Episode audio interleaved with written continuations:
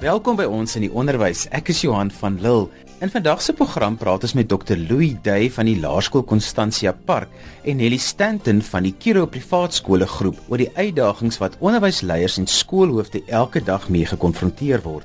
Hoe funksioneer skole waar onderwysleierskap werk?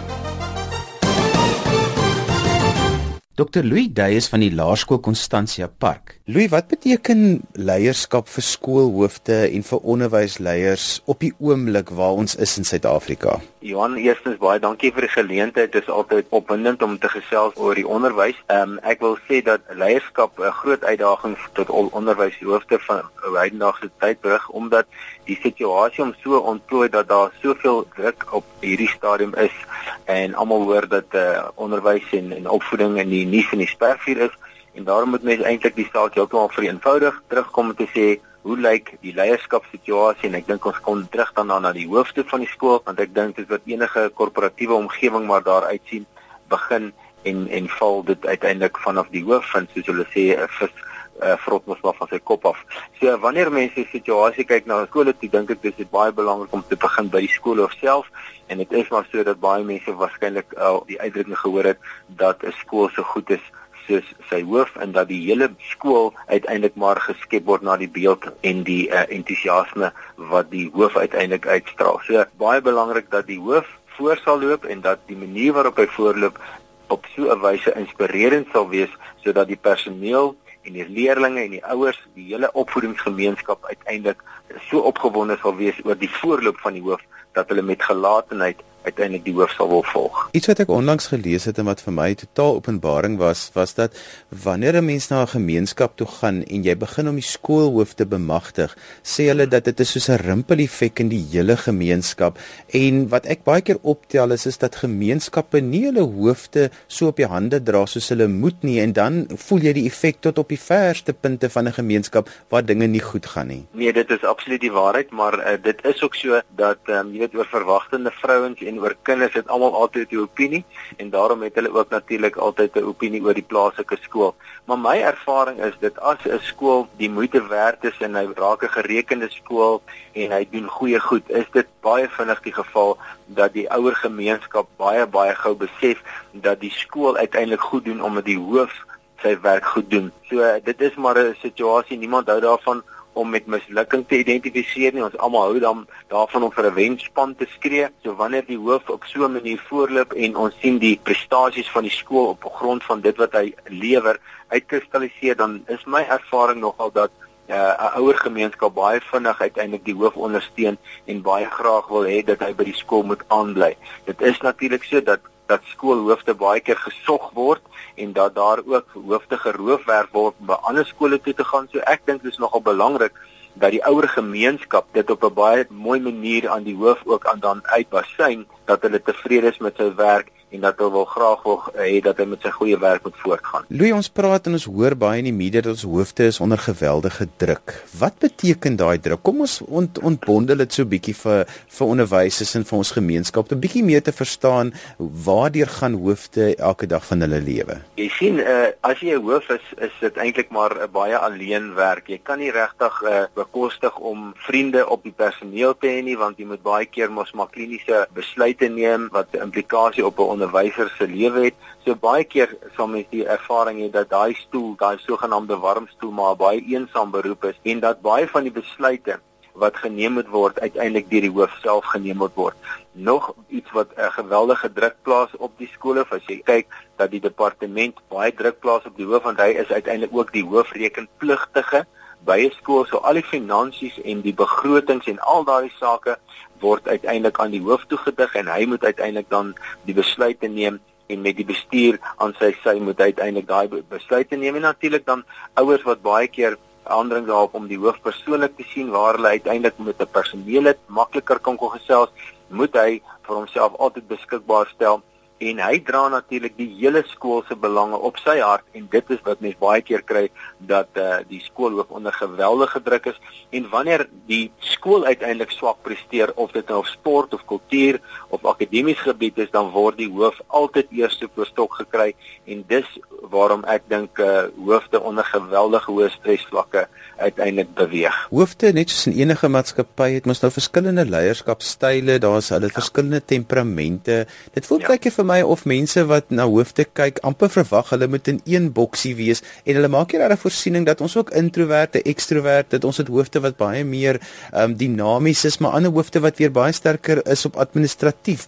Duidelik 'n bietjie vir ons daai dinamiek jy is heeltemal reg. Jy kry verskillende hoofde met verskillende persoonlikheidseienskappe en verskillende leierskapstyle. En daarom dink ek is dit baie belangrik vir 'n hoof om te weet wat sy eie sterkpunte is en eie uh, leemtes is sodat hy uiteindelik die bestuur wat onder hom is en die personeel wat tot sy beskikking is op so 'n manier sal bemagtig sodat hulle uiteindelik vir hom kan help om sy leierskapsrol uh, na behoore te vervul. Nou jy weet jy kry baie keer hierdie posisionele hoof wat net so ingestel het op sy eie posisie en dit gaan tot gevolg hê dat daar bitter min kreatiwiteit en innovering by so 'n skool gaan wees want almal doen alles net omdat meneer so gesê het. So wanneer ons gaan kyk na die situasie van 'n hoof waar hy uiteindelik baie beter kan funksioneer, gaan dit baie gesonder vir hom wees om uiteindelik die personeel onder hom, natuurlik die bestuur tot sy beskikking in so 'n mate te bemagtig dat hulle uiteindelik die skool in die breë sal kan dien en dat dit nie al die leierseienskappe en al die leiersrolle uiteindelik net op die hoof neerkom nie. Lou hierdie tyd van die jaar dan is dit nou as die tyd van die groot skuwe waar baie mense dan nou vir die eerste keer in hoofdeposisies kom of in departementshoofposisies kom selfs as jonkhoofde en dit is mos nou 'n groot tyd in die jaar wanneer dit nou gebeur. Watter wenke het jy vir onderwysleiers wat hulle die jaar kan reg begin? Ek dink dit is baie belangrik om te onthou dat 'n onderwyser moet inspireer. Dit is 'n ongelooflike belangrike rol en jy kan nie mense besiel om tot aksie oor te gaan as hulle nie eers met emosie besiel word nie. Die hart kom voor die kop. Wanneer jy daar instap, ag mense onthaalwe voor jou departement is en die departementshoof is of as hoof van die skool, lyk daarom net eenvoudig lus en lyk begeesterd om mense te inspireer. Jy weet, ek praat graag daarvan om te sê dat 'n onderwyser, as jy hom vra wat sy beroep is, hy moet eintlik sê ek is in die hoopgewende bedryf. So vir die manier waarop jy sit, die manier waarop jy staan, die manier waarop jy praat en loop moet uiteindelik inspirerend van aard wees sodat jy uiteindelik daai hoopgewer by jou instansie of dit 'n departement of by die skool is. So ek dink ek kan op geen beter plek begin as om te sê die manier waarop jy jouself uitbeeld moet een van absolute inspirasie wees en waar jy besielend optree en vir die personeel tot jou beskikking sê maar weet jy ek wil regtig 'n verskil maak en ek het julle regtig almal nodig om hierdie pad saam met my te loop om om suksesvol te wees. Luia, 'n ander uitdaging wat ek dink in skole amper meer sigbaar is, is is in enige ander organisasie is waar jy baie keer die ou hande het en die jong nuwe hande. Ja. En dis moeilik vir 'n hoof om daai twee faksies bymekaar uit te bring baie keer.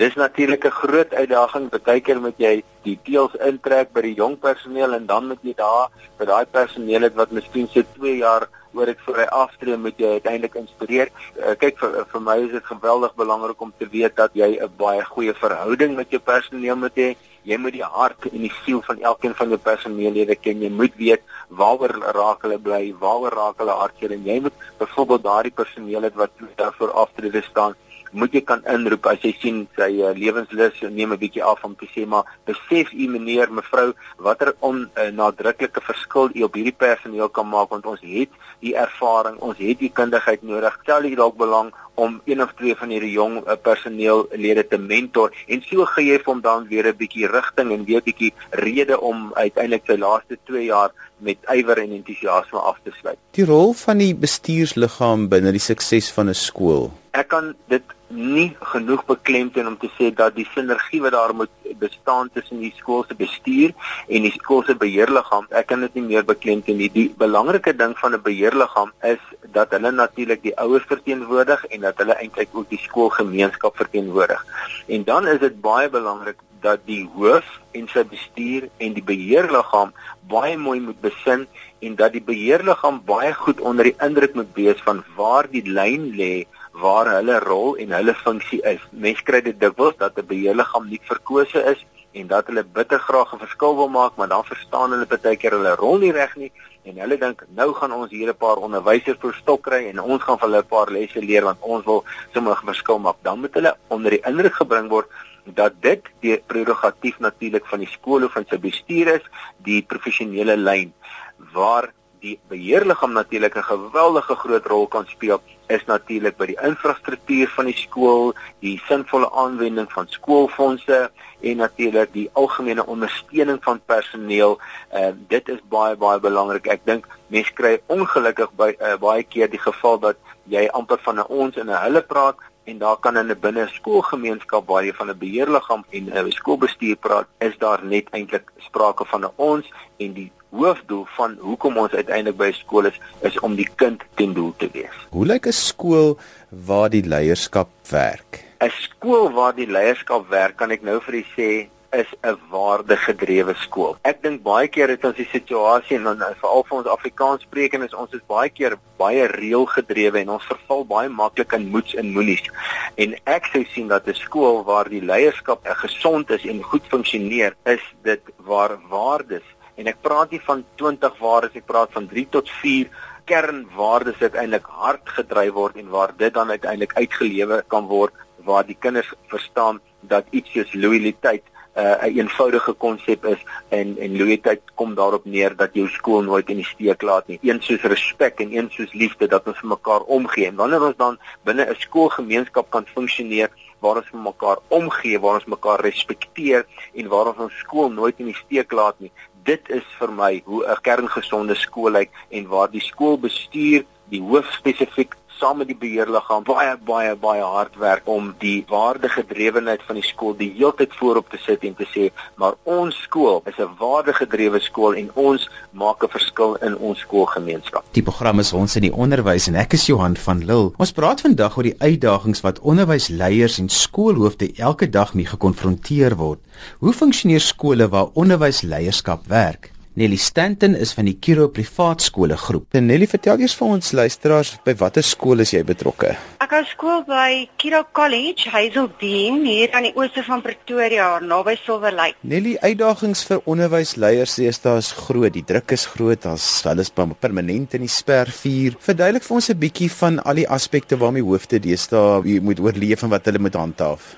Ja, uh, skool het 'n besigheid geword. Ouers betaal uit die aard van die saak bietjie meer vir opvoeding as wat ons ouers betaal het. So hulle verwag dat daar ook meer moet kom of meer diens gelewer word veral by privaat skole en dit gebeur al hoe meer. So in alle opsigte wat sport betref, verwag hulle dat die beste afrigting sal plaasvind. En sou dit nie gebeur nie, moet die hoofdpa staan daarvoor en sy hand daaroor hou. Akademie ook, ouers het groter eise. Almal wil hulle kind moet daai suksesresep hê.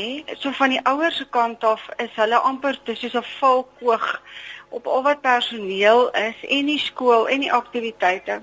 So 'n hoof moet daar ook en ouers is deesdae baie meer betrokke by hulle kinders.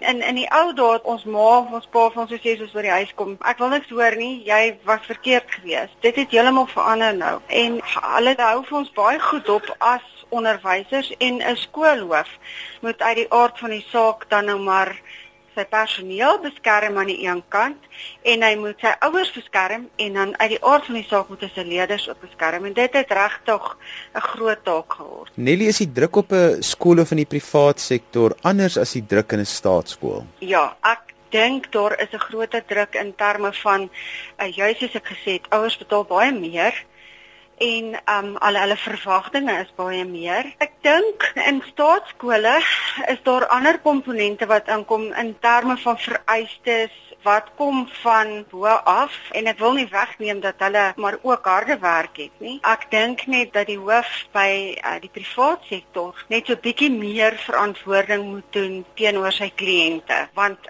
sy ouers is sy kliënte. Dis nie net 'n massa ouers nie, dis uitgesoekte ouers wat by die skool aanklop en met hulle kinders kom reeds met versoeke van hoe wil hulle hê die onderrig moet plaasvind. Hoe lyk 'n skool waar die leierskap werk? Dit is 'n groot spanpoging en dis multidissiplinêr ook. Uit die aard van die saak is dit die hoof met fasehoofde of adjunkhoofde, graadhoofde en al daai rolspelers moet insette lewer. En uit die aard van die saak moet die hoof dan sy akademiese bestuurders wat dan nou sy vakhoofde of departementshoofde is in plek hê hy moet hulle bestuur op 'n manier en dan moet hy ook sy graadhoofde hê vir elke graad wat dan uit die aard van die saak gisterpersoneel bestuur en die kinders en, en seker maak dat daai kinders ook gelukkig is in elke graad. En dan het hy 'n middelbestuur ook. En al hierdie partye moet bymekaar kom en dit vat nogals baie beplanning, baie vergadering en baie ure om dit regtig reg uh, te werk. Ek ek wil daarom ook net by sê en ek dink ons het 'n sukses resep daarvoor as mense hoof het wat ervaring het wat werklik vir goeie beginsels het in die lewe en wat nie net die leiding kan neem en voorloop nie, maar wat 'n passie vir sy mense het, dan maak dit dan ook 'n groot verskil. Watter wenke het jy vir onderwysleiers? Ons praat nou van departementshoofde, hoofde, adjunkhoofde, want hierdie tyd van die jaar is mos nou die groot tyd wat almal skuif en hulle begin nou by nuwe skole. Mm, Watter mm. wenke het jy vir hulle dat hulle met die regte voet kan begin? Um in die eerste plek is dit 'n deeglike navorsing van waarheen gaan ek waarheen is die instansie op pad? Wat is my eie visie en hoe pas dit in by die visie van die skool? En dan baie beplanning. Ure se beplanning en denkprosesse om alles in plek te kry. Wat is die uitdagings van sosiale media vir skoolhoofde binne skole dit word al hoe groter. In 'n skool soos ons skool byvoorbeeld werk ons met tablette. Ons kinders het nie handboeke nie alle handboeke is op die tablette. So 'n kind is in jou klas en vir die tyd wat hy by die skool is, 100% van daai tyd het hy 'n tablet voor hom waar hy dan ook kan inskakel en op die internet wees. So die uitdaging daar is in die eerste plek, maar al die goggas wat kan uitkruip op die internet. In die tweede plek, die speletjies waaraan die kinders so verslaaf kan raak en om dit reg te bestuur en dat daai tegnologie reg gebruik word. En alle kinders het selfone want almal het so besig geraak.